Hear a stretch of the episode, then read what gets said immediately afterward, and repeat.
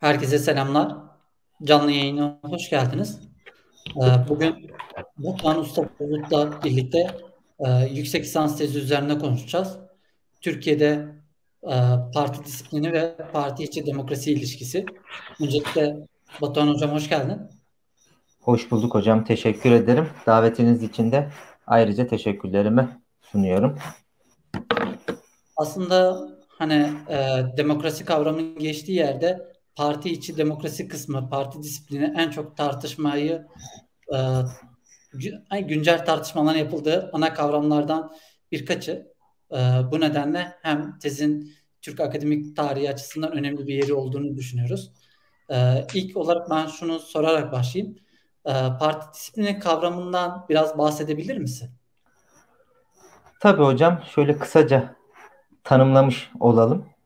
Şimdi aslında parti disiplini dediğimizde tabii tarihsel çıkış itibariyle şöyle bir durumdan bahsedebiliriz. Özellikle İngiliz parlamentoculuğunda yeterli çoğunluğu sağlayabilmek için parlamenter sistem uygulandığından e, bir oylama esnasında herhangi bir kanun oylanması esnasında yeterli çoğunluğun sağlanabilmesi gerekiyor ki hükümet görevine devam edebilsin. Çünkü bazı kritik oylamalarda eğer yeterli çoğunluk sağlanamazsa hükümetin görevden düşmesi gibi bir durum da söz konusu olabilir. Çünkü meclis bir güven oyu vermeme durumuna, bir güvensizlik oyu verme durumuna gidebilir bunu takip eden süreçte. O yüzden İngilizler şöyle bir şey yapmışlar. Yeterli çoğunluğu sağlayabilmek için milletvekillerinin oylarını satın almaya başlamışlar. Bu satın alma işlevini gerçekleştirmek üzere de VIP adını verdikleri eli kamçılı adam manasına gelen kimseleri istihdam etmişler. Bunların görevi gidip milletvekillerinin daha doğru ifadesiyle parlamenterlerin oylarını satın almak. Ama sadece tabii satın almak değil. Aynı zamanda oylamalarda bunların takibini de yapmaları gerekiyor. E bu takibi yapabilmek için de bu kimseler ellerinde kağıt kalem haliyle kim ne oy verdi diye o esnada dikkat kesiliyorlar. Ve sanki gerçekten eli kamçılı bir adammış gibi onların üzerinde bir baskı da kurmaya başlıyorlar. İşte siyasi partilerde disiplin meselesi de genel olarak bu şekilde ortaya çıkmış bir mesele. Peki nasıl tanımlayabiliriz bunu? Siyasi partilerin bütünlüğünü sağlamak üzere ortaya çıkmış olan e, yapıya, e, kuruma parti disiplini diyebiliriz. Bu VIP'in bugünkü karşılığı aslında grup başkan vekilleri olmuş oluyor. Siyasi partilerin grup başkan vekilleri kendi partili milletvekillerinin hangi yönde oy verdiklerini takip ediyorlar. Hatırlarsanız zaman zaman e, buna ilişkin çeşitli örneklerde yaşanıyordu. Mesela benim ilk aklıma gelen dönemin e, Milliyetçi Hareket Partisi Genel Başkan Vekili Oktay Vural İzmir Milletvekiliydi. Bir oylama esnasında geriye dönüp şu şekilde bakıyordu. Eli havada ve geriye dönüp bakıyordu kendi grubu acaba hangi yönde oy kullandı diye. Yani ben bu yönde oy kullanıyorum siz de bu yönde oy kullanmalısınız demek için böyle bir hamle yapmış idi. Buna benzer başka örnekler de var. Belki ilerleyen dakikalarda onlardan da yer yer bahsetmiş oluruz.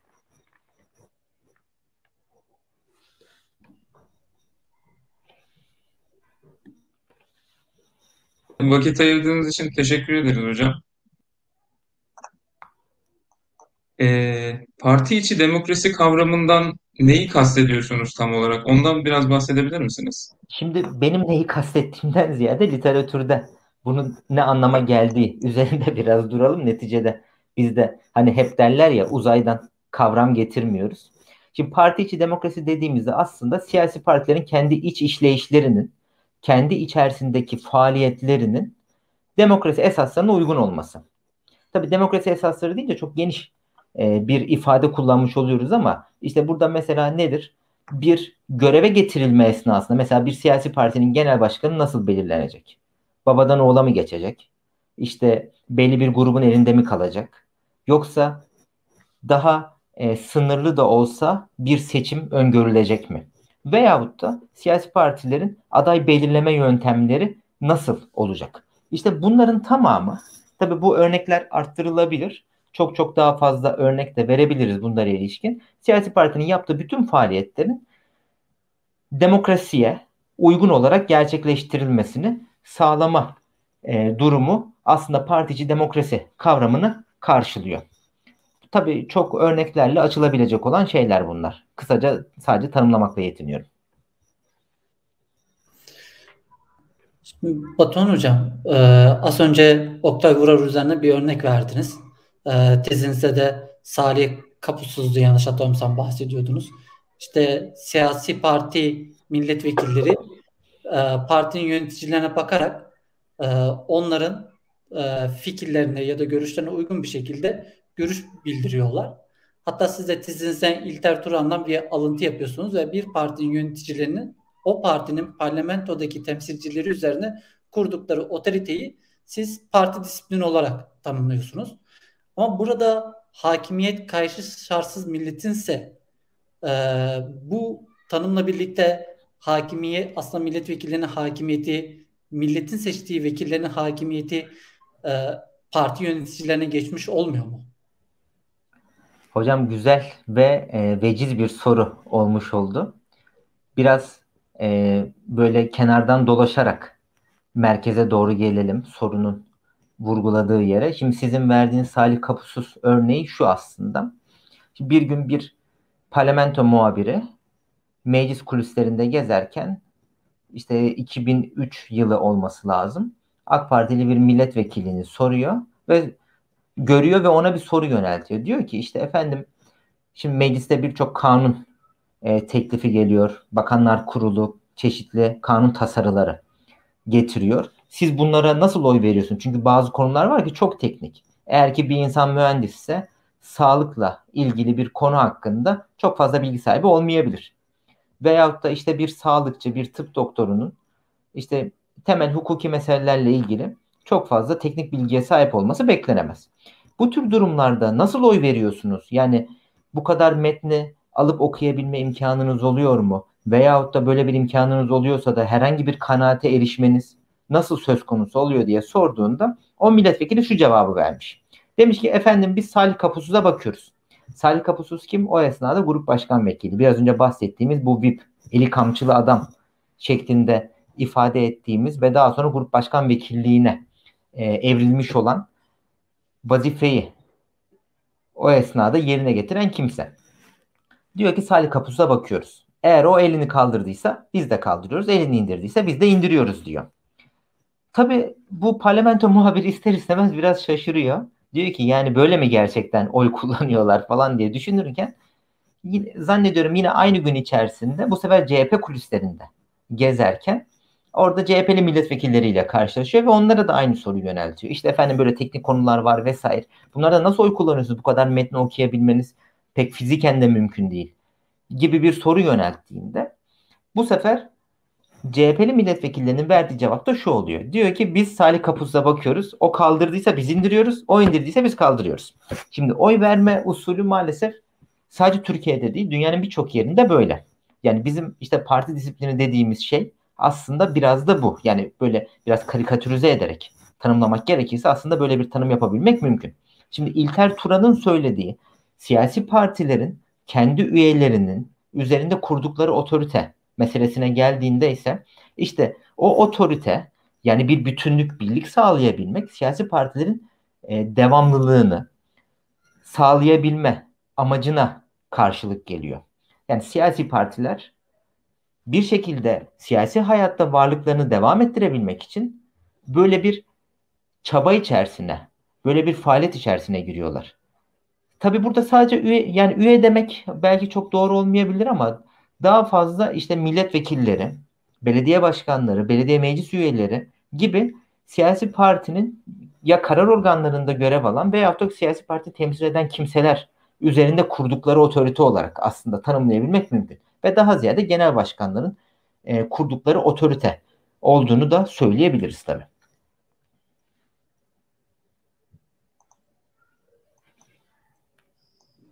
Hocam peki parti içi demokrasiyi hukuki e, e, parti içi demokrasiyi etkileyen, onu düzenleyen hukuki faktörlerden biraz bahsedebilir misiniz?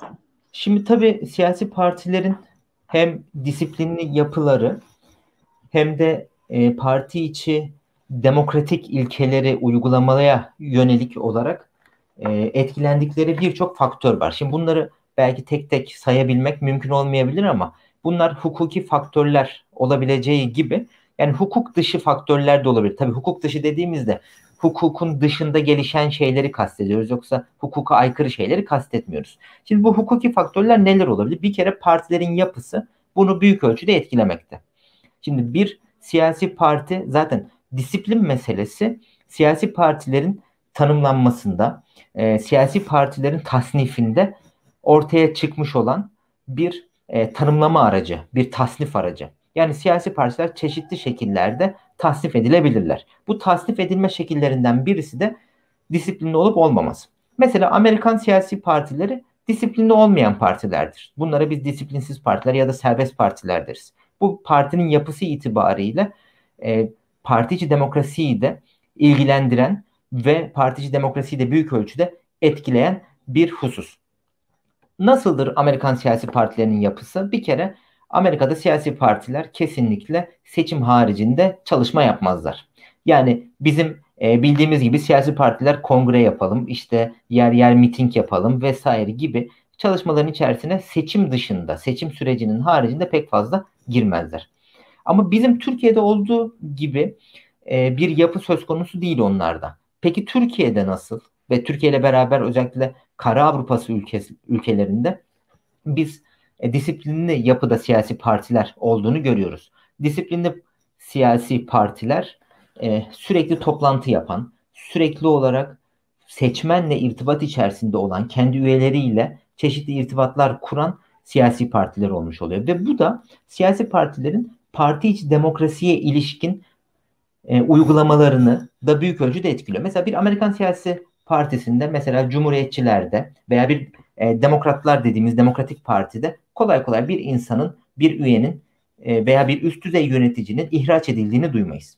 Ama biz Türkiye'de ve diğer birçok ülkede siyasi partiler disiplinli bir yapıda oldukları için onlarda birçok zaman e, çeşitli üyelerin, çeşitli yöneticilerin ihraç edildiklerini veya çeşitli cezalar aldıklarını sürekli olarak duyabilme imkanına sahip olabiliriz. Bunların tabii birçok örneği var. E, siyasi partilerin yapısı bu şekilde etkiliyor. İşte seçim sistemi yine aynı şekilde etkileyebilir. Hükümet sisteminin çeşitli etkileri olabilir. Mesela hükümet sistemi açısından düşündüğümüzde başkanlık sistemi beraberinde serbest partileri, disiplinsiz partileri getirir. Özellikle Amerikan uygulamasında bunu görüyoruz. Ve dolayısıyla burada partici demokrasi daha ön plandadır. Farklı bir görüş ifade eden, farklı bir e, yönde oy kullanmış olan bir üyenin veya bir işte parlamenterin kolay kolay o siyasi partiyle bağının kopmadığına şahitlik ediyoruz çoğu zaman. Ama eğer ki hükümet sistemi parlamenter sistemse hükümetin iktidarda kalabilmesi bir kere meclisin güvenine ihtiyaç e, hissettirecek. Eğer mecliste güvensizlik durumu söz konusu olursa hükümet düşecek. Dolayısıyla hemen her oylamada o iktidar grubunun bu bir partiden oluşabileceği gibi bir koalisyon olması durumunda birden fazla partinin gruplarının beraber e, ne yapmaları lazım? E, bu birlikteliği sağlayıp aynı yönde oy kullanmaya sevk etmeleri lazım. Bu aynı yönde oy kullanma durumu da dolayısıyla onların daha disiplinli yapıda olmalarını ve farklı yönde hareket edebilecek olan veya farklı yönde hareket etme eğiliminde bulunan kimselerin de belli durumlarda o partiden uzaklaştırılmalarıyla sonuçlanmasına sebep oluyor. Yine işte başka e, etkileyen yöntemler var. Mesela işte adayların tespiti önemli bir yöntemdir bu anlamda. Adayların tespitinde ön seçim kullanılıyorsa o siyasi partinin daha demokratik bir yapıda, partici demokrasiyi daha çok önemsediği yönünde bir e, sonuç çıkarabilmek mümkün. Çünkü ön seçimde kendi üyeleri geliyor siyasi partinin oy kullanıyorlar. Bu oy kullanma neticesinde de dolayısıyla e, üyelerin istekleri, görüşleri bir şekilde aday listesine yansıyor ve bu adaylar daha sonra milletvekili seçildiklerinde veya belediye başkanı olarak seçildiklerinde o üyelerle irtibatlarını, bağlarını devam ettiriyorlar.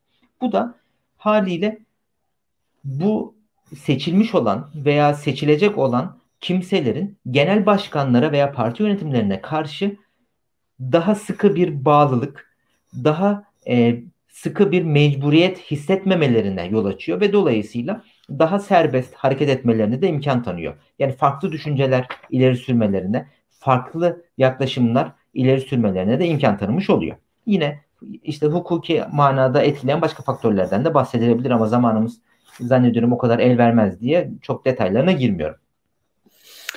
Ee, ben burada izleyicilere şunu hatırlatmak istiyorum. Ee, kendileri Batuhan hocamıza sorularını sohbet kısmından iletebilirler. Ee, Batuhan hocamız da buradan sizden gelen sorulara cevap verecektir. Az önce Batuhan hocam e, şeyden bahsettiniz işte e, parti içi demokrasiyi etkileyen faktörlerden biri olan hukuk e, faktöründen bahsettiniz. Bu hukuk faktörüne değinirken de hani aslında hukuk dışında da bazı faktörlerin var olduğunu belirttiniz. Bu hukuk dışında var olan faktörlerden biraz bahsedebilir misiniz? Şimdi hocam şöyle e, aslında bu diğer faktörler olarak adlandırabileceğimiz doğrudan hukuki bir e, bağlılık söz konusu olmayan sebepler, faktörler arasında çok çeşitli unsurları sayabiliriz. Mesela ekonomik yapı etkileyebilir, bürokrasi etkileyebilir, lider sultası yine etkili olabilir, sosyal yapı, siyasi kültür. Bunların hepsi çeşitli açılardan etkililik derecesine sahip olan faktörler. Birkaçından bahsetmek gerekirse, şimdi mesela siyasi kültürden bahsettiğimizde, şimdi Türkiye'nin e, siyasi kültürüyle işte Amerika'nın siyasi kültürü farklı. Almanya'nın siyasi kültürü farklı. İngiltere'nin siyasi kültürü farklı.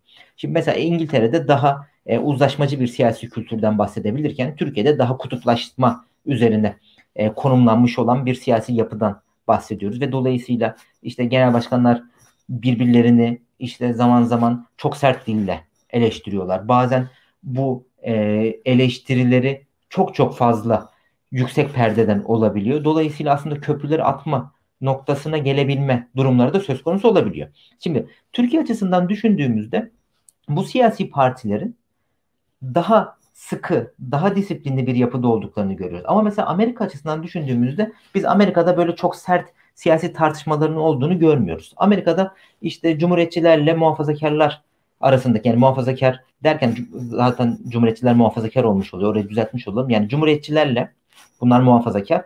Ayrıca demokratlar yani liberaller arasında nasıl farklılık var? İşte vergiler arttırılsın mı azaltılsın mı? Kürtaja izin verelim mi vermeyelim? İşte muhafazakarlar kürtaja izin verilmemesi yönünde bir eğilim içerisindeyken işte liberaller daha e, kürtajın serbest bırakılabileceğine ilişkin bir eğilim içerisinde olurlar. Veya işte dış operasyonlar yani sınır ötesi operasyonlar olsun mu olmasın mı, Irak'ta bulunalım mı, Afganistan'da bulunalım mı gibi daha böyle dış politikaya ilişkin veya sosyal hayata ilişkin çok spesifik meseleleri tartışıyorlar. Bizdeki gibi çok ideolojik ayrımlardan bahsedebilmek de mümkün değil. Zaten Amerikan siyasi e, yaşamında şöyle bir durum da söz konusu. Cumhuriyetçi bir başkan çok rahatlıkla demokrat e, kongre üyelerinden destek alabilir. Aynı şekilde bunun tersi de söz konusu olabilir. Dolayısıyla siyasi kültür bu şekilde etkileyebiliyor. Bir diğer husus e, ekonomik yapı. Şimdi ekonomik yapıda nasıl etkiler? Eğer ki milli gelir fazlaysa, insanlar daha bir refah içerisinde yaşıyorlarsa buralarda e, yapı daha gevşek, daha e, sıkı olmayan bağlar söz konusu olacak. Bu da haliyle disiplinsiz bir yapıya yol açacak ve e, parti içi demokrasiyi de daha olumlu manada etkileyecektir. Mesela İskandinav ülkelerini düşünelim. Bunlar hep refah devleti uygulamalarını içeren ülkeler işte İsveç gibi, Norveç gibi çeşitli ülkelerde daha e, ekonomik anlamda bir kalkınma söz konusu olduğu için bizim yaşadığımız tartışmaları yaşamıyorlar. Dolayısıyla siyasi partilerde daha farklı meseleler üzerine odaklanmış oluyorlar ve bu odaklanmış oldukları meseleler e, bizdeki gibi daha ideolojik temelli olmuyor. Dolayısıyla parti içerisinde ortaya çıkabilecek farklı düşüncelere, farklı yaklaşımlara da daha fazla imkan tanınabiliyor. Ama Türkiye açısından düşündüğümüzde işte tek seslilik aslında büyük ölçüde esastır diyebiliriz. Yine bir başka husus baskı grupları ve kamuoyu diyebiliriz. İşte baskı gruplarından e, anlamamız gereken işte yer yer sivil toplum kuruluşları olabileceği gibi bazen işte dini cemaatler, bazen daha farklı yapılar, hatta siyasi partileri etkileyen önemli faktörlerden birisi mesela spor kulüpleridir. Spor kulüpleri sahip oldukları e, üyelerle ve taraftarlarla siyasi partilerin yaklaşımlarını da büyük ölçüde etkilerler. Hem büyük şehirlerde hem de e, daha küçük yerleşim yerlerinde çok önemli ölçüde etkilerler. Mesela düşünelim işte küçük bir yerde belediye başkanı muhakkak o ilçenin spor kulübüne destek olur. O ilçenin spor kulübünün onursal başkanı olur veya başkanı olur. Bu tür durumlar söz konusu olur. Dolayısıyla oralarda bu e, spor kulüpleri, futbol kulüpleri özellikle belediye başkanlarını, dolayısıyla siyasi partilerin özellikle yereldeki iç ilişkilerini ve işleyişini büyük ölçüde etkileyen bir e, faktör olarak karşımıza çıkar. Yine bir başka husus lider sultasıdır. Liderlerin e, yaklaşımları bizim için oldukça önemli bu anlamda. Eğer ki bir lider çok uzun süre e, görevde kalıyorsa ister istemez bir orada e, tek bir otorite durumu söz konusu olur. Bunu olumsuz manada söylemiyorum. Yani bir tek adamlık durumu gibi değil de orada ister istemez bir e, doğal liderliğin ortaya çıkartmış olduğu etkileme gücü söz konusu olur ve dolayısıyla bu tür e, bir durum ortaya çıktığında orada liderin ağzından çıkan çok önemlidir. Onun e, ne söylediği, meselelere nasıl yaklaştığı oldukça önemlidir ve dolayısıyla siyasi partilerin iç yapılarını ve iç işleyişlerini de büyük ölçüde etkiler. Bunları bu şekilde özetleyebilmek mümkün gözüküyor. Hocam e, partinin iç demokrasi işleyişinin hukuk içi ve hukuk dışı olarak etkileyen faktörlerden bahsettik. Peki bir parti kendi iç dinamiklerinde demokratik ilkelere uymazsa buna karşı bir yaptırım uygulanabilir mi? Şimdi şöyle bir cevap verelim buna. Keşke böyle bir imkan olabilse desek herhalde e, birçok izleyicimiz de bizimle aynı kanaattedir diye düşünüyorum. Tabii farklı kanaatler belirtecek olanlar da muhakkak vardır. Neden böyle bir cevap verdiğimi öncelikle söyleyeyim. Şimdi siyasi partilerde maalesef e, bir tek listelilik söz konusu oluyor. E, ikinci bir listenin çıkması genelde hoş karşılanmaz, hoş görülmez. Bu da anlaşılabilir bir şey tabii ki.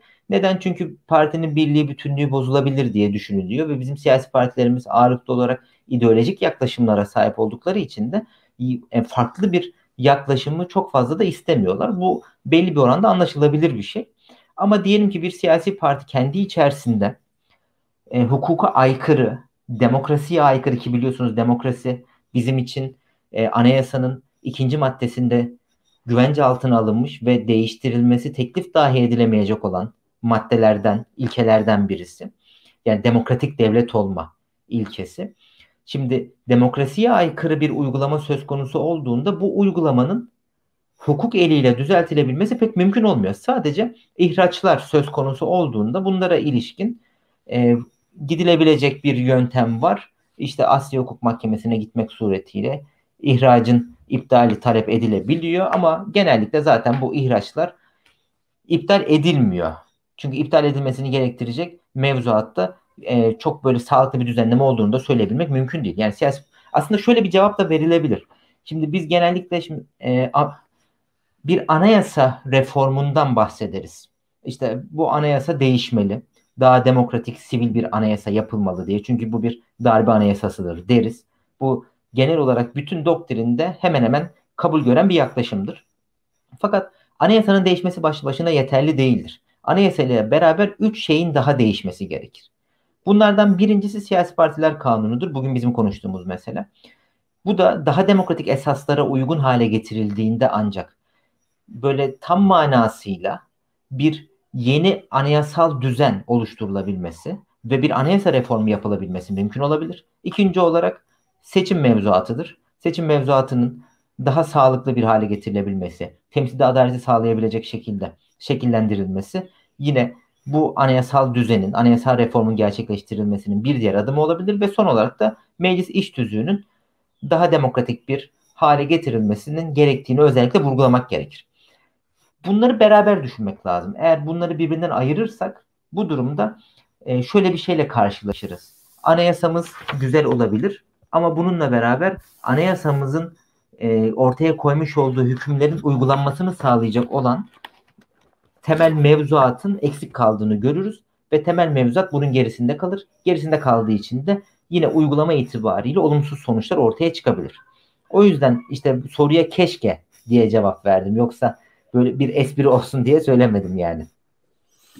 Şimdi Batuhan Hocam, Türk siyasi tarihine baktığımızda parti kongreleri yani genel kongreleri bırakalım ilçe il kongreleri dahil olmak üzere eğer birden fazla aday çıkıyorsa e, genelde olaylı geçiyor ve hani e, merkez e, yürütme kuruluna karşı gelip ya da mevcut yapıya karşı gelip e, aday olarak ortaya çıkanlar da genelde ihraç ediliyor. Ancak e, hani bu parti kongrelerine baktığımızda birden fazla aday çıkan kongreleri göz önünde bulundurduğumuzda partinin ideolojik olarak çok da hani farklı yere çekilmediğini görüyoruz. Yani iki adayın da ya da birden fazla çıkan adayların da aynı ideolojiye sahip olduğunu görmemize rağmen Türkiye'de parti disiplini niye bu kadar çok sert uygulanıyor?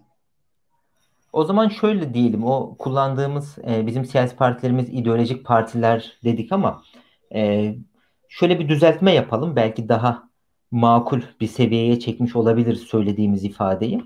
E, doğru bizim siyasi partilerimiz büyük ölçüde ideolojik yaklaşımları hala devam ettiren partiler. Ama bununla beraber e, özellikle partilerin il, ilçe veya büyük kongrelerinde ortaya çıkan ikinci veya üçüncü listeler söz konusu olduğunda partinin ideolojisinin veya temel değerlerinin aşınacağı veya e, değişeceği veyahut da bunlardan vazgeçileceği yönünde bir tehdit algısı ortaya çıktığını söyleyelim. Böyle bir tehdit algısı söz konusu olduğunda da verilen tepki de biraz sert oluyor. Şimdi bunun da çeşitli örnekleri var. Şimdi bir örnekten en azından bahsedelim. Ümit Özdağ yıllar önce zannediyorum 2005 yılıydı. Yanılıyor olabilirim. Belki seyircilerimiz yanılıyorsam bizi düzeltirler. 2005 yılında e, Milliyetçi Hareket Partisi'nde genel başkanlığa aday olmak istediğini açıkladı. Aday olacağını açıkladı. Ve dediler ki parti yönetimi efendim siz aday olamazsınız. O da dedi ki doğal olarak niçin aday olamam? Çünkü dediler siz üye değilsiniz partiye. Dedi ki olur mu ben üyeyim falanca ilçede ben üyelik kaydı olan birisiyim. Bakın bu da benim üye kaydım vesaire diye açıklama yapmaya çalıştı. Dediler ki efendim sizin bir üyeliğiniz var ama bu bir asıl üyelik değil. Bu bir geçici üyelik dediler. Sonra o dedi ki hayır efendim bu bir asıl üyelik. Yani benim bu partiye üye olduğuma ilişkin herhangi bir e, ortada bir tartışma konusu söz konusu değil dediler. Sonra bu tartışmalar sürerken zaten kongre kararı alınmıştı. Kongre pazar günü yapılacak. Cuma günü mesai saatinin bitmesine çok az bir vakit kala Ümit Özdağ'ın ihraç edildiği yönünde bir karar açıklandı. Merkez Disiplin Kurulu tarafından. Tabii öncesinde bir disipline sevk edilme durumu vesaire söz konusu oldu. Şimdi Cuma günü mesai saati bitmiş neredeyse. E buna ilişkin bir itirazda bulunabilmek için dolayısıyla mahkemelerin açık olması lazım. E böyle bir imkan da söz konusu değil. Henüz o zamanlar UYAP sistemi de yaygınlaşmış değil veya belki de hiç yok. Dolayısıyla bir itiraz edebilecekleri durum da söz konusu değil. E ne oldu? Pazar günü e, bir kongre gerçekleştirildi ama işte ikinci aday dolayısıyla aday olamadı çünkü partinin üyesi olmaktan çıktı. Çünkü partiden ihraç edildi ve haliyle orada varlığını kaybetmiş oldu. Daha sonra tekrar davet edildi vesaire o işin farklı bir boyutu. Başka örneklerde e, bu minvalde verilebilir. Yine mesela Mustafa Sarıgül'ün Cumhuriyet Halk Partisi'nde aday olmasına ilişkin benzer bir örnekte yine söz konusu olmuştu. Yani dolayısıyla e, burada aslında şöyle bir durum ortaya çıkıyor. İkinci liste söz konusu olduğunda genellikle birinci listenin sahibi olanlar yani mevcut iktidarını devam ettirmek için aday olanlar rakiplerini biraz sert hatta belki biraz değil çok fazla sert bir şekilde eleştirmeye ve haliyle onları biraz daha zeminin dışına itmeye, o partiden uzaklaştırmaya yönelik bir e, adım atıyorlar. Bu yönde bir faaliyet gösteriyorlar. O yüzden de bir tehdit algısı olarak onları görüyorlar veya bu şekilde lanse ediyorlar. Bu şekilde lanse ediliyor olmak da haliyle onların yalnızlaşmalarına, ve belki partiden ayrılmalarına ya da partinin dışına itilmelerine sebep oluyor. Onlar da partinin dışına itilmeleri sebebiyle bu sefer ya başka bir siyasi parti kuruyorlar veyahut da başka bir e, siyasi partiye üye oluyorlar. Genellikle böyle bir durum söz konusu oluyor. Şimdi Batuhan Hocam, e, siyasi partiler kanunu çerçevesinde parti disipliniyle parti içi demokrasi arasında nasıl bir ilişki var? Şimdi bu soru tabii aslında e, oldukça zor bir soru. Bizim de zaten test çalışması esnasında üzerinde durduğumuz mesele buydu. Parti disiplini acaba parti içi demokrasiyi nasıl etkiliyor? E, ya da parti demokrasi uygulamaları parti disiplini üzerinde ne tür etkiler doğuruyor? Aslında bir ters ilişkinin olduğunu söyleyebiliriz. Yani parti disiplininin şöyle ifade edelim. Partinin daha disiplinli bir hale gelmesi partici demokrasinin daha arka plana atılmasına, geri plana atılmasına sebep oluyor. Eğer ki siyasi partiler disiplinli yapılarını sert bir şekilde muhafaza etmeye çalışırlarsa dolayısıyla bu siyasi partiler bakımından partici demokrasi uygulamaları genellikle sorunlu oluyor. Çünkü farklı bir görüş ileri sürebilmek pek mümkün değil. Yeni bir şey söyleyebilmek de mümkün değil. Çünkü yeni bir şey söylemeye kalktığınızda veya mevcut siyasi yönetimin politikalarının aksine bir şey söylediğinizde yalnızlaşıyorsunuz veya yalnızlaştırılıyorsunuz. Bu da sizin o siyasi parti içerisinde barınabilmenizi büyük ölçüde engelliyor. Tabi bunu etkileyen başka unsurlar da elbette ki oluyordur. Çeşitli işte e, özellikle siyasi partilerdeki liderlik e, mücadeleleri zaman zaman bunlar kavgaya da dönüşüyor biliyoruz. Bu tür durumlar söz konusu olduğunda liderliğe aday olan veya aday olma ihtimali bulunanlar o siyasi partide ya görev verilmemek suretiyle veyahut da ihraç edilmek suretiyle uzaklaştırılıyorlar. Bu tür uzaklaştırmalarda dolayısıyla aslında e, siyasi partilerin disiplinli yapılarını arttırıyor ve disiplinli yapılarını arttırmalarının yanında parti içi demokrasi uygulamalarının da daha başarısız örnekler vermesine sebep olabiliyor. Genel olarak böyle bir etkisi olduğundan bahsedebiliriz. Yani aslında burada söylemek istediğimiz şey şu. Eğer ki parti disiplini artarsa buna e, koşut olarak parti disiplininin e, artmasıyla beraber parti içi demokrasi durumunun da olumsuz etkilendiğini, bunların arasında bir ters ilişkinin bulunduğunu rahatlıkla söyleyebiliriz. Tabii bunları çeşitli e, örneklerle aslında açıklayabilmek de mümkün. Bir örnek vereyim en azından diğer sorularınızı e, cevaplamadan önce. Şimdi Türkiye'de şöyle bir şey yaşadık. İşte 1 Mart tezkeresi olarak bildiğimiz 1 Mart 2003 tarihinde e, Irak'a asker gönderilmesi. Tabi burada asker derken muvazzaf asker yani gidip orada savaşacak e, asker gönderilmesini içeren tezkere meclise getirildiğinde yapılan kapalı oylama sonucunda bu tezkere kabul edilmedi meclisten.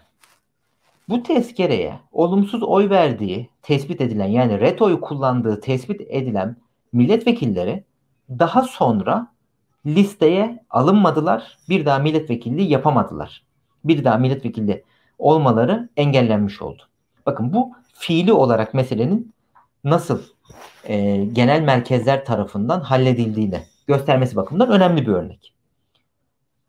Bir de tabii ihraç edilme meseleleri var. Biraz önce verdiğimiz işte Ümit Özdağ örneği var. İşte mesela İyi Parti'nin kurulmasına yol açan süreç yine keza aynı şekilde. Bir parti içi demokrasi e, mücadelesi olarak ortaya çıktığını e, söyleyen işte 3-4 kişinin önderliğinde gelişen o süreçte e, o kimseler ihraç edildiler. Bir kısmı istifa etti, bir kısmı ihraç edildi ve yeni bir siyasi parti kurdular.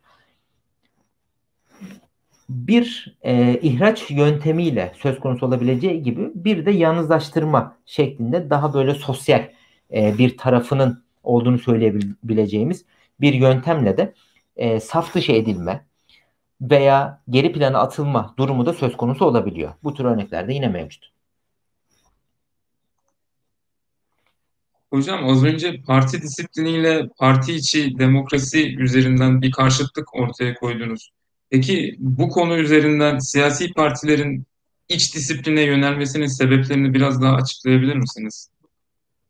Yani aslında üzerinde durduğumuz o meseleler bu sorunun da cevabı ya özellikle şimdi tabii artık Türkiye'de bir parlamenter sistem uygulamasından bahsedebilmemiz mümkün değil. Malum 16 Nisan 2017 anayasa değişikliğiyle beraber Türkiye e, hükümet sistemini değiştirdi. Bugün Cumhurbaşkanlığı hükümet sistemi olarak adlandırılan aslında temelde bir başkanlık sistemini esas alan yer yer parlamenter sistemin de özelliklerini ihtiva yeni bir hükümet sistemi söz konusu oldu Türkiye'de. Yeni hükümet sistemine geçilmesinden önceki süreçte özellikle siyasi partilerin bilhassa iktidarda bulunan siyasi partilerin veya siyasi partinin iktidarını devam ettirebilmesi biraz önce de bahsettiğimiz üzere meclisin kendisine olan güvenini muhafaza etmesine bağlıydı. Eğer ki mecliste bir güvensizlik durumu söz konusu olursa bu siyasi partinin iktidarda kalabilmesi zaten mümkün olmayacaktı. Ve dolayısıyla bu siyasi parti hükümetten çekilmek zorunda kalacak veya hükümetten düşecek. Onun yerine bir başka siyasi parti gelip hükümeti kuracak.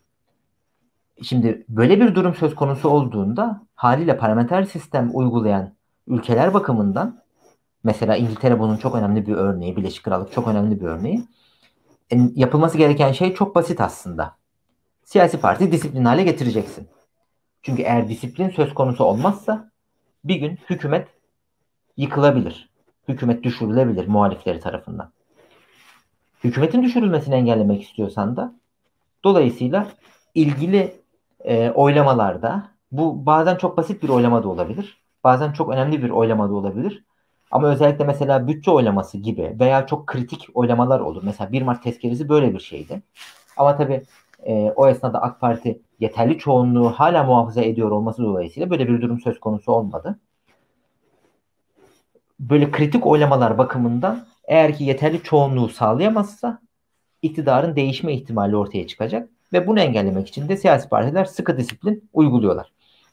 Bu sıkı disiplini uygulayabilmek için de aslında genel merkez yönetimleri şunu yapıyor. Adayları tespit ederken acaba kim daha sadık olur diye bunu özellikle e, dikkate alıyorlar.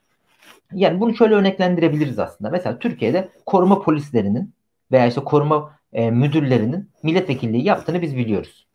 İşte bir başbakanın veya işte bir genel başkanın koruma müdürü işte ne yapıyor? Milletvekili yapılıyor. Veyahut da işte e, çeşitli akrabalık ilişkileri dolayısıyla veya işte şoförler yine milletvekili olarak görevlendiriliyor. Yani bu görevlendirmeler aslında çok kritik görevlendirmeler. Neden kritik? Çünkü e, bunlar bir kere sadık insanlar. Sadık insanlar oldukları için ister istemez e, çeşitli problemlerin çözülmesinde de yönetim adına görev alabilecek kimseler.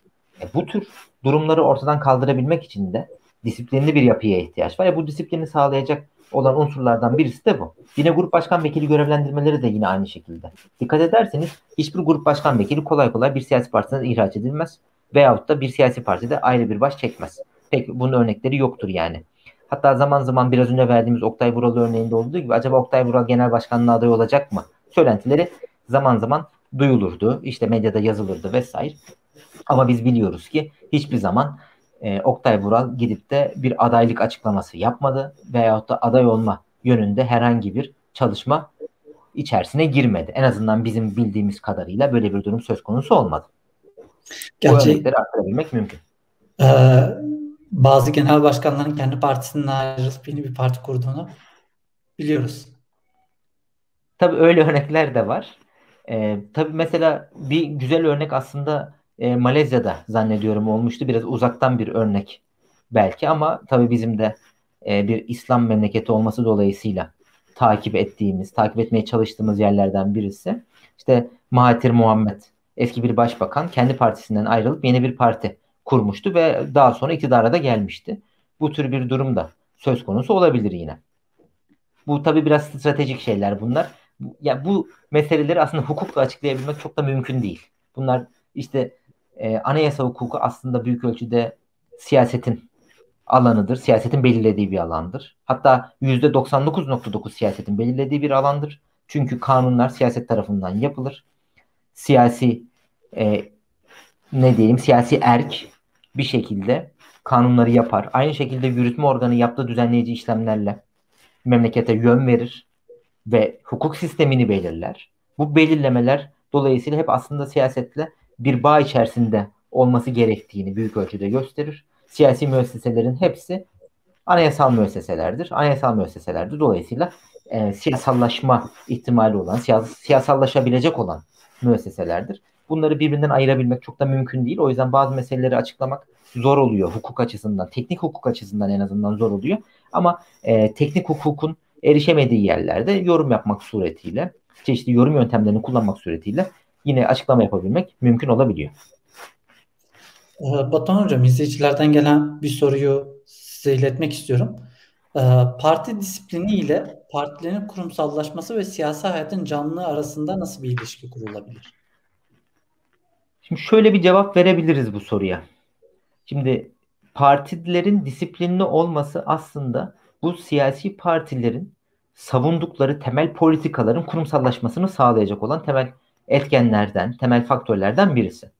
Bir siyasi parti e, bir örnek vermek gerekirse ekonomik anlamda e, eğer ki devletçiliği savunuyorsa veyahut da liberal ekonomiden, serbest piyasa ekonomisinden yanaysa uzun yıllar disiplinli bir yapı ortaya koymak suretiyle bu e, ortaya koymuş olduğu ilkeleri veya temel değerleri muhafaza ettiği için daha sonra gelecek olan yönetimlerinde bu ilke veya değerler etrafında şekillenmesini sağlayabilir. Bu anlamda bir kurumsallaşma söz konusu olabilir. Bir de siyasi hayatın canlılığı açısından nasıl bir etkisi olur? Şimdi bizim Türkiye'de siyasi hayat çok canlıdır. Neden çok canlıdır? Çünkü Türkiye'de partiler disiplinli yapıdadırlar. Disiplinli yapıda oldukları için de hemen her gün çeşitli toplantılar icra ederler. Seçmenle sürekli iç içe olmaya çalışırlar. Esnaf ziyaretleri yaparlar. İşte e, belediye başkanlarının, milletvekillerinin misafirleri hiç eksik olmaz. İnsanlar dertlerini anlatmak için üst düzey e, yöneticilere, tabii yönetici demek belki çok doğru olmayabilir ama işte milletvekillerine veyahut da işte belediye başkanlarına, belediye meclis üyelerine gidip gelirler. Zaman zaman e, işlerinin e, hal, hal, e, hallolabilmesi için, hal yoluna koyulabilmesi için e, onlarla sıkı ilişkiler kurmaya çalışırlar. Bunlar e, maalesef hemen her yerde, sadece Türkiye'de değil, dünyanın birçok yerinde olan durumlar. Yani dolayısıyla hayat çok canlı bu anlamda. Çünkü sürekli olarak toplantılar yapılır, esnaf ziyaretleri yapılır, ev sohbetleri yapılır. Siyasi partilerin başarılarını etkileyen temel faktörlerden birisi budur. Özellikle son dönemde sosyal medya kullanımının artmış olması. Bilhassa e, Twitter üzerinden çeşitli kampanyaların vesaire yürütülüyor olması yine artık siyasi partilerin bugünü yakaladıklarını ve siyasi hayatın sosyal medya aracılığıyla sanal ortamda da canlı kazanabilmesini sağladıklarını göstermesi bakımından önemli. Mesela şu anda biz de bir sanal e, platformda yayın yapıyoruz. İnsanlar bizi dinliyorlar. Belki yarın dinleyecekler. Belki 3 ay sonra işte 5 ay sonra, bir sene sonra dinleyecekler. Ve bizim fikirlerimiz veya burada konuştuğumuz şeylerden kendi paylarında düşen şeyleri alacaklar veya bizi eleştirecekler. Ve bu da aslında siyasi hayata belli oranda bir katkı sağlıyor. Tabi siyasi partiler siyasi hayatın e, vazgeçilmez unsurları. Anayasanın temel hükümlerinden birisi de bu 67. maddede düzenlenmiş olan bir husus bu. Vazgeçilmez bir unsur olduğu için de siyasi partilerin çok yoğun bir şekilde faaliyet gösterdiklerini görüyoruz. Tabii bu Türkiye'nin kendi e, şartlarıyla da alakalı, kendine özgü içerisinde bulunduğu şartlarla da çok alakalı. Çünkü e, Türkiye'de siyasi hayatın bu kadar etkili ve canlı olmasının temel sebeplerinden birisi de bizim tarihsel e, arka plana sahip olmamızla da alakalı. Çünkü işte Cumhuriyet'in kurulması, tek partili hayat, tek partili hayattan çok partili siyasi hayata geçiş. O esnada çünkü örgütlenmesi gerekiyor, siyasi partilerin teşkilatlanması gerekiyor. Başka türlü destek alabilmesi mümkün değil.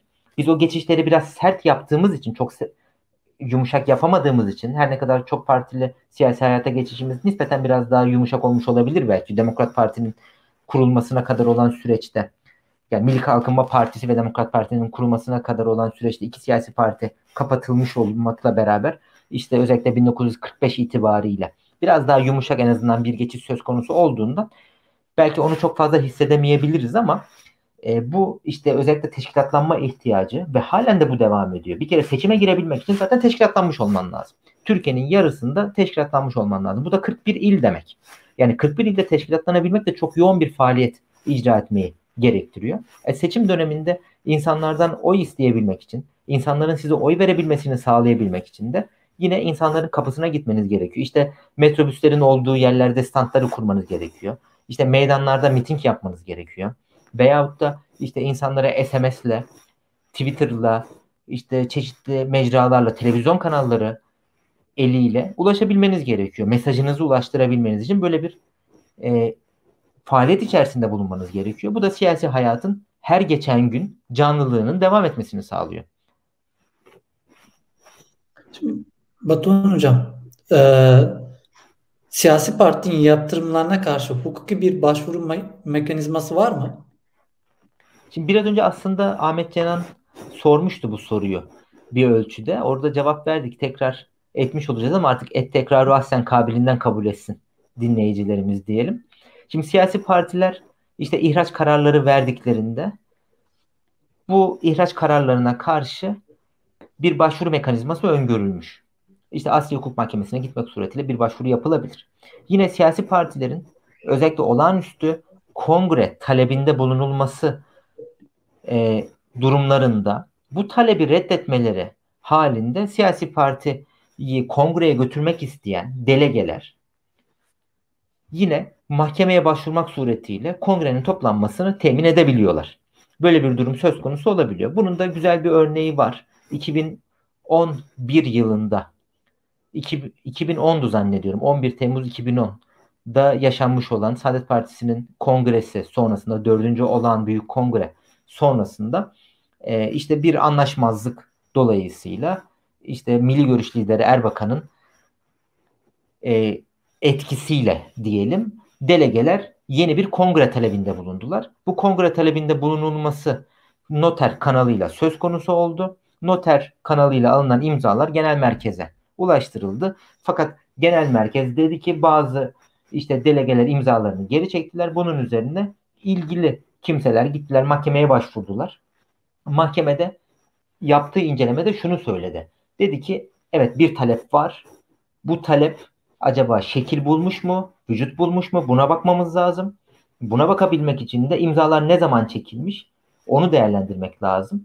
Yeterli çoğunluk sağlandıktan sonra imzaların çekilmiş olması aslında orada bir kongre iradesinin, e, kongrenin toplanması iradesinin ortaya çıktığını ifade etmiştir dedi mahkeme yaptığı yorumda ve dolayısıyla bir çağrı heyeti görevlendirmek suretiyle e, bu çağrı heyetinin kongreyi toplamasını, olağanüstü büyük kongreyi toplamasını temin etti ve bunun akabinde de bir kongre toplandı ve yeni bir parti yönetimi teşekkül ettirilmiş oldu. Bu örnekte yine önemli bir örnek. Yine işte İyi Parti'nin kurulması esnasında mahkemeler eliyle e, parti kongresinin yani tabii kurulmadan önce gerçekleşmiş olan bir durum. E, Milliyetçi Hareket Partisi olağanüstü büyük kongresinin, büyük kurultayının e, toplanması için talepler vardı. Fakat parti yönetimi bunu kabul etmedi. Çeşitli sebeplerden dolayı reddetti. İmzaların çekildiği vesaire gibi sebeplerden dolayı reddetti. Daha sonra bazı e, mahkemelerde açılan davalarda kongrenin toplanması yönünde karar verilmiş olsa da daha sonra diğer mahkemeler kongrenin toplanmaması yönünde karar verdiler ve bu süreçte hem bir ihraç sürecini getirdi ve sonrasında yeni bir siyasi partinin kurulmasıyla neticelenmiş oldu. Böyle bir süreçte yaşanmıştı. Bunu da yine hatırlatmış olmakta fayda olduğunu düşünüyorum. Hocam peki e, az önce bahsettik zaten parti disiplinini etkileyen belli başlı etmenler var. Bu etmenlerin içerisinde seçim sistemini de saymıştınız. Bu seçim sistemlerini Türkiye özelinde belki biraz daha açıklayabilir misiniz? Şimdi tabii Türkiye'de uygulanan seçim sistemini öncelikle tespit etmek lazım. Türkiye'de nispi temsil seçim sistemi uygulanıyor. Şimdi nispi temsil dediğimizde orantılı sistem de diyebiliriz buna. Orantılı temsil de diyebiliriz. Siyasi partiler aldıkları oy oranında mecliste temsil ediliyorlar. Tabii seçim barajını da burada dikkate almak lazım. Yani şöyle bir örnek vermek gerekirse eğer bir siyasi parti %10 5 gibi bir oy aldıysa bu nispette bir oy almış olan siyasi parti aslında parlamentoda da Türkiye Büyük Millet Meclisi'nde de hemen hemen %15 nispetinde bir sandalyeye sahip oluyor. Yani 3 aşağı 5 yukarı bu oranda bir sandalye sayısına sahip olduğunu görüyoruz. Nispi temsil dediğimiz şey bu. Tabi nispi temsil sisteminin uygulanıyor olması e, çok isimli seçim çevrelerini gerektiriyor. Ya mesela düşünün İstanbul'da işte zannediyorum en son 101 olmuştu milletvekili sayısı emin değilim. Belki e, 100 de olabilir, 99 da olabilir. Yani ama o nispette o sayılarda olması lazım. E, şimdi 100 tane milletvekili var İstanbul'da. İşte bu 100 milletvekilinden 10 tanesini sayabilmek gerçekten zor. Niçin zor? Çünkü tanımıyoruz, bilmiyoruz. Seçim döneminde belki bir sefer görmüşüzdür bir kısmını ama büyük çoğunluğunu görmemişizdir. Eğer bu kimseler çok üst düzey kimseler değilse bunları bilebilmek çok da mümkün değil.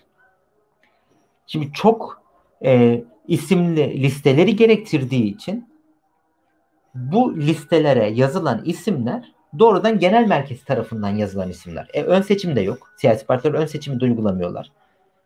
Daha önce Cumhuriyet Halk Partisi uyguluyordu ama son seçimlerde o da uygulamadı. Dolayısıyla aslında seçmene karşı bir mecburiyet, bir e, zorunlu birliktelik ilişkisi hissetmek yerine milletvekilleri liderlerine, genel başkanlarına karşı bir e, zorunluluk hissediyorlar. Bu da milletvekillerinin oy kullanma alışkanlıklarını büyük ölçüde etkiliyor. Yani diyor ki milletvekili lider ne diyor ben ona bakarım. Lider oy vereceksiniz diyorsa oy veririz, oy vermeyeceksiniz diyorsa oy vermeyiz. İşte bunu sağlayan da işte grup başkan vekilleri oluyordu büyük ölçüde. Bu da haliyle siyasi partilerin daha disiplinli yapıda olmalarına sebep oluyor. Eğer ki disiplini bozarsa bir milletvekili daha sonra bir daha milletvekili olamayabilir. Veya herhangi bir görev alamayabilir. Onun için de diyor ki ben o zaman burada çok fazla simi çıkartmamalıyım. Liderim ne diyorsa onu yapmalıyım. Veya işte liderden kastım sadece bir kişi değil aslında bir parti yönetiminden bahsediyoruz. Bir merkez yönetiminden bahsediyoruz.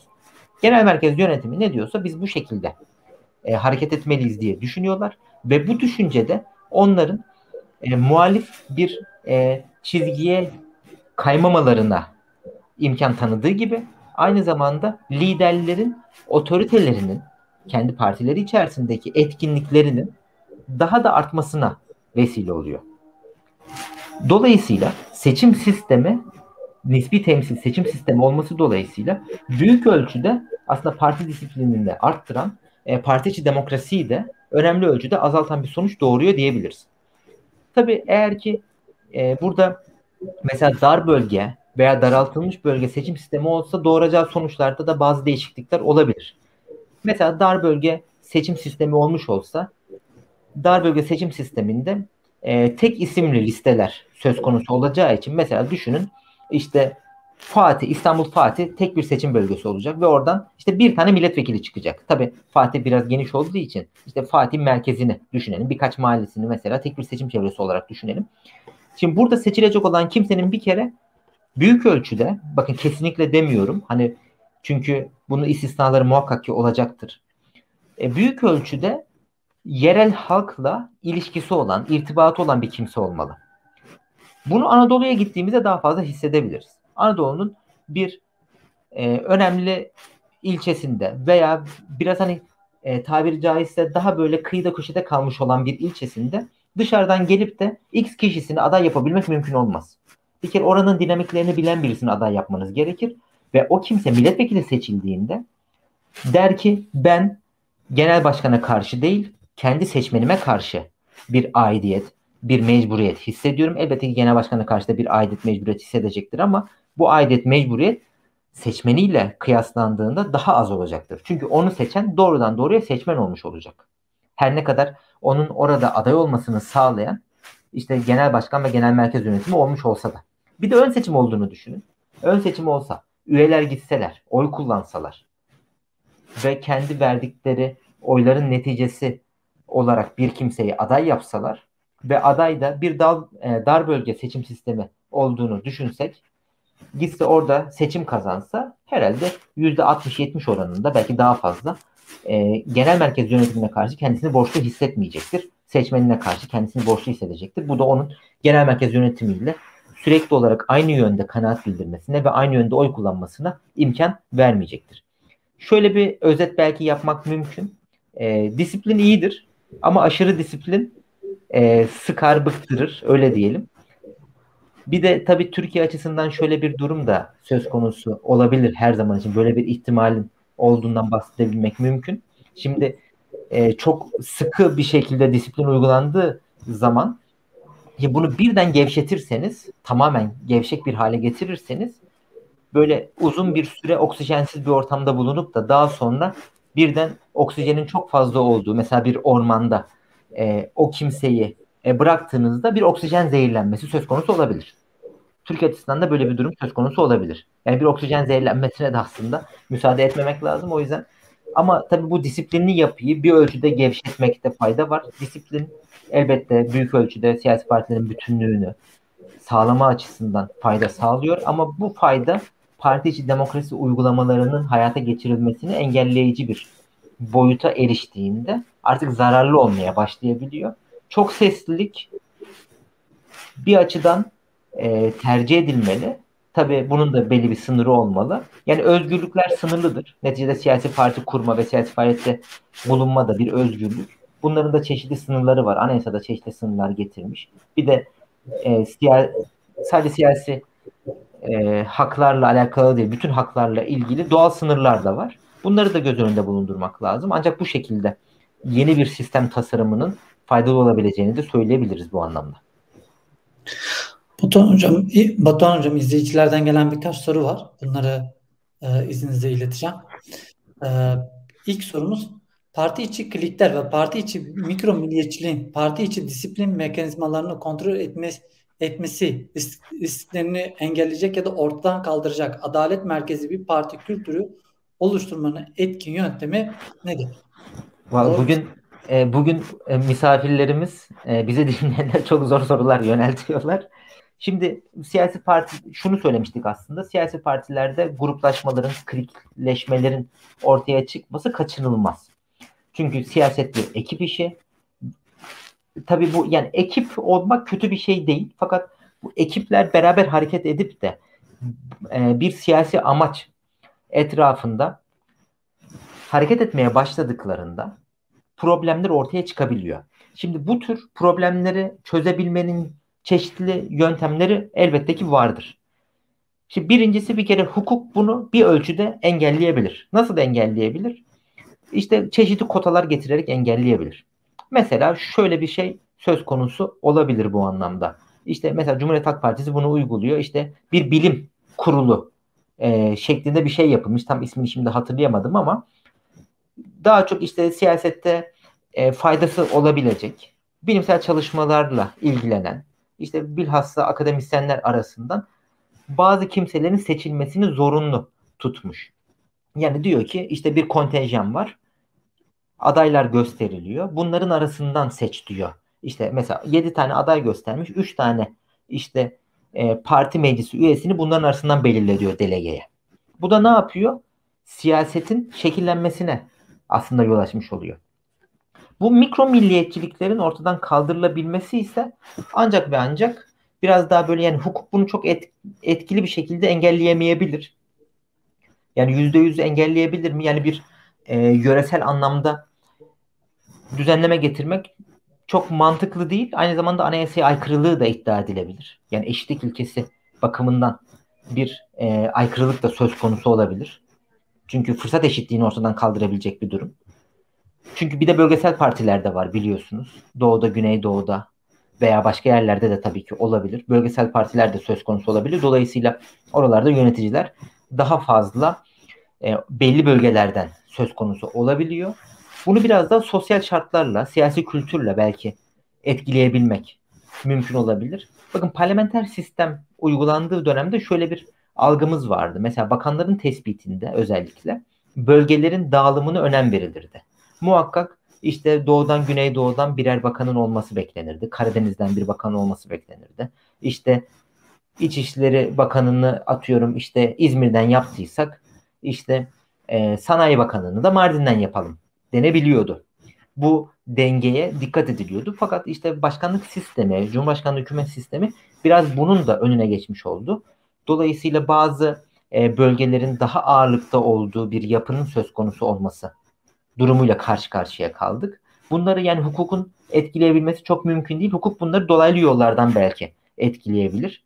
Belki engelleyebilir. Ama daha çok bu siyasi kültürle ve sosyal yapıyla ilişkili, ilintili bir durumdur diyebiliriz. Ee, izleyicilerden gelen bir diğer soruysa seçmen davranışlarıyla parti içi demokrasi arasında bir ilişki olduğu söylenebilir mi? Seçmenin gösterebileceği reaksiyonlar parti içi aksiyonlar üzerinde etkili olabiliyor mu? Şimdi seçmen davranışları tabii ister istemez siyasi partilerin politikalarını da belirliyor. Sadece politikaları belirlemekle kalmıyor. Haliyle e, siyasi partinin iç işleyişine de etki sağlıyor. Eğer ki bir siyasi partide belli bir, bir grup seçmen etkili bir pozisyona geldiyse yani bu tabii sadece seçmen demek doğru değil aslında. E, şöyle söyleyebiliriz. Mesela işte bir X partisinde eğer ki işte daha liberal bir politika uygularken muhafazakar seçmenin taleplerini dikkate alma durumu söz konusu oluyorsa bu partinin biraz daha muhafazakarlaşmasına sebep olabilir. Bu muhafazakarlaşmada dolayısıyla parti içi demokrasiyi de büyük ölçüde etkileyecektir. Ne tür bir etki doğurabilir? Biraz hani sesli düşünerek söylüyorum bunu. Daha önceden işte daha mesela e, serbest bir yaklaşım benimseniyorken, yani liberal, olma, liberal olmaktan kaynaklı serbest bir yaklaşım benimseniyorken işte belki daha sıkı bir disiplin uygulaması söz konusu olabilir. Farklı yaklaşımlara geçmişe nazaran daha az imkan tanınabilir. Belki ihraç gibi yaptırımlar da söz konusu olabilir. Veya bunu tersten de düşünebiliriz. Siyasi partilerin ilk kuruldukları günden bugün geldikleri güne kadar geçirdikleri değişimleri hemen herkes az çok zaten biliyordur, okuyordur bir şekilde. Muhafazakar bir çizgide olan siyasi parti zaman içerisinde daha e, liberal bir yaklaşımı benimseyebilir veyahut da bir siyasi partinin içerisinde daha muhafazakar bir partideyken daha liberal bir e, yapı oluşturmak suretiyle yeni bir siyasi parti kurduklarını mesela düşünelim. Bunun örnekleri de malum hem Türkiye'den başka yerlerde var. Mesela onlar daha serbest bir yaklaşım benimseyebilirler. Çünkü seçmenle bir şekilde ilişki kurmaları lazım. Seçmene de istediklerini vermeleri lazım. Çünkü mesela seçmen işte bütün e, şu anda Avrupa'da da e, başka yerlerde de mesela milliyetçi dalgadan bahsediliyor. Birçok e, yazar bundan bahsediyor. İster istemez e, mesela Türkiye'de de bundan etkilenenler dolayısıyla e, daha sıkı bir yaklaşım benimsemiş oluyorlar. Daha disiplinli bir yaklaşım benimsemiş oluyorlar. Bu disiplinli yaklaşımda haliyle e, partilerin parti içi demokrasi uygulamalarını da büyük ölçüde etkilemiş oluyor. Diğer bir soruysa Batuhan Hocam, e, seçim barajının düşürülmesi parti içi demokrasiyi destekler mi yoksa parti içindeki farklı farklı grupların birbirinden ayrılıp yeni küçük partiler kurmasına mı sebebiyet verir? Şimdi bu soruyu aslında ittifak sistemiyle beraber düşünmek lazım. Şimdi malum artık Türkiye'de Cumhurbaşkanlığı hükümet sisteminin kabulüyle beraber tabi bu sadece sistemin kabulüyle doğrudan bağlantılı değil. Başka faktörler de var bunu etkileyen. Yani seçim mevzuatında gerçekleştirilmiş olan değişiklikle beraber artık ittifaklar kaçınılmaz bir hale getirilmiş oldu. Yani ittifak yapmazsan temsil edilebilme imkanını bulabilmen zor gözüküyor. Tabi burada şunu da özellikle belirtmiş olalım. Siyasi partiler bakın dikkat ederseniz son birkaç yıl içerisinde siyasi partilerin e, içer, içlerinden yeni yeni siyasi partiler doğmaya başladı. Çünkü bu sistem işte bir oyun bile çok değerli olduğu bir sistem. Çünkü iktidar olabilmek için %50 artı 1'i alman lazım. %50 artı 1'i sağlayabilmek için de toplumun birçok kesiminin desteğine ihtiyacım var. E bunu gören siyasi partilerde ne yapıyorlar? Yani daha doğrusu siyasi partilerin içerisindeki çeşitli gruplar işte yeni siyasi partiler kurmak suretiyle iktidarı etkileyebilecek pozisyona gelebilme imkanına da sahip olabiliyorlar. Seçim barajının düşürülmesi aslında bunu şu şekilde bir etkiye e, etkiyle karşı karşıya bırakabilir. Şimdi barajın düşmüş olması siyasi partilerin daha rahat bir şekilde seçime girmesine sebebiyet verecek. E bu da ittifaklar açısından biraz daha dağınıklıkların ortaya çıkmasına yol açacak. Haliyle e, oyları konsolide edebilmekte daha bir zorlaşmış olacak. Bu da ister istemez e, siyasi partilerin daha fazla ittifak ilişkilerinden e, ya eklemlenme yönünde veyahut da uzaklaşma yönünde ki barajın düşmesi belki yeni ittifakların ortaya çıkmasına sebep olabilir Türkiye açısından. Bu şekilde bir sonuç doğurabilir. Bu da ister istemez e, siyasi partilerin yeni bir boyuta aslında geçmeleriyle sonuçlanabilir. Böyle bir sonuç söz konusu olabilir. Biraz tabi bunlar siyasi boyutları olduğu için hani doğrudan hukukla bağlantılı olacak şekilde bu soruları cevaplandırabilmek çok da mümkün gözükmüyor. Böyle bir yorum yapabilmek en azından şu anda mümkün gibi gözüküyor. Tabi Hüseyin hocam siyaset bilimci olduğu için bu meseleleri kuvvetle muhtemel daha iyi özetleyecektir, daha iyi anlatacaktır diye biraz topu da atmış olalım. Hocam son olarak zaten soruların arasında ara ara bahsettik Cumhurbaşkanlığı hükümet sisteminden ama bu e, Cumhurbaşkanlığı hükümet sistemi Türkiye'deki parti disiplinine ne yönde etki etmiştir? Şimdi burada tabii bu soruyu öncelikle başkanlık sistemi temelli cevaplandırmak lazım. Çünkü Cumhurbaşkanlığı hükümet sistemi başkanlık sistemini esas alan bir hükümet sistemi. Şimdi normalde başkanlık sisteminde en azından Amerikan uygulamasında partiler disiplinsiz yapıda, serbest yapıda. Serbest yapıda olmaları dolayısıyla da e, siyasi partilerde böyle bizdeki gibi ihraçlar vesaire söz konusu olmuyor. Fakat bugün Türkiye açısından baktığımızda bunun tam tersi bir durum söz konusu. Yani normalde beklenen nedir? İşte biz de artık Amerika'daki gibi daha böyle serbest bir yapıya erişeceğiz. İnsanlar daha rahat bir şekilde farklı yaklaşımlarını ifade edebilecekler gibi bir durumun ortaya çıkması gerekirken bunun tam aksi yönde bir durum söz konusu oldu. Hatta şöyle de söyleyebiliriz. E, parlamenter sistem uygulamasına göre siyasi partiler daha fazla disiplinli bir hale geldiler. Hatırlarsanız işte e, AK Parti'den ayrılan işte eski başbakan Ahmet Davutoğlu mesela ayrılmadan önce disipline sevk edildi. Disipline sevk edilmesi üzerine ayrılma kararı aldı. Şimdi normalde böyle bir durumun ortaya çıkmaması gerekirdi. Başkanlık sistemi olması dolayısıyla. Bu da işte daha çok siyasi kültürle ilişkili, daha çok sosyal yapıyla ilişkili, işte daha böyle e, hukukun haricinde kalan faktörlerle ilişkili. Bunu bu şekilde tespit etmek lazım öncelikle. Bundan sonra e, özellikle ittifakların söz konusu olduğu bir yapıda siyasi partiler iktidarlarını devam ettirebilmek veyahut da belli imkanları e, elde edebilmek için kendi iç yapılarının, bütünlüklerinin, birliklerinin bozulmamasını temin etmeleri lazım. E, bu temin etme işlevi de daha disiplinli olmalarını gerektiriyor. Ancak çünkü ittifaklar ne yapıyor? İnsanları birbirlerine bağlıyor.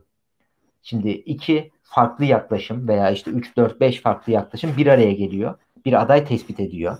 Bu bir cumhurbaşkanı adayı olabileceği gibi bir belediye başkanı adayı da olabilir. Şimdi böyle bir durum söz konusu olduğunda bunları beraber yönetebilmek lazım. Bu beraber yönetim işi de oldukça zor. Çünkü herkesin yaklaşımı farklı. Hepsinin çok farklı e, siyasi e, kodları söz konusu. E, bunları bir arada konsolide edebilmek oldukça zor. E, bunun için de belli kıstasları, belli ilkeleri, değerleri ortaya koymaları ve bu ilke ve değerler etrafında hareket etmeleri lazım. Bunun için de disipline ihtiyaçları var.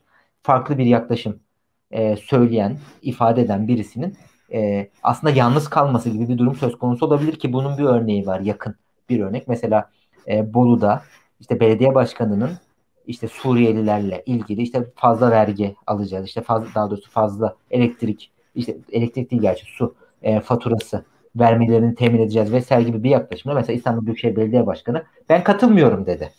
Doğru olmadığını vesaire ifade etti mesela. Yani bu tür durumların ortaya çıkması pek tabii mümkün olacak gibi gözüküyor. Batuhan Hocam bizim soracağımız sorular bu kadar. Siz son olarak ne söylemek istersiniz?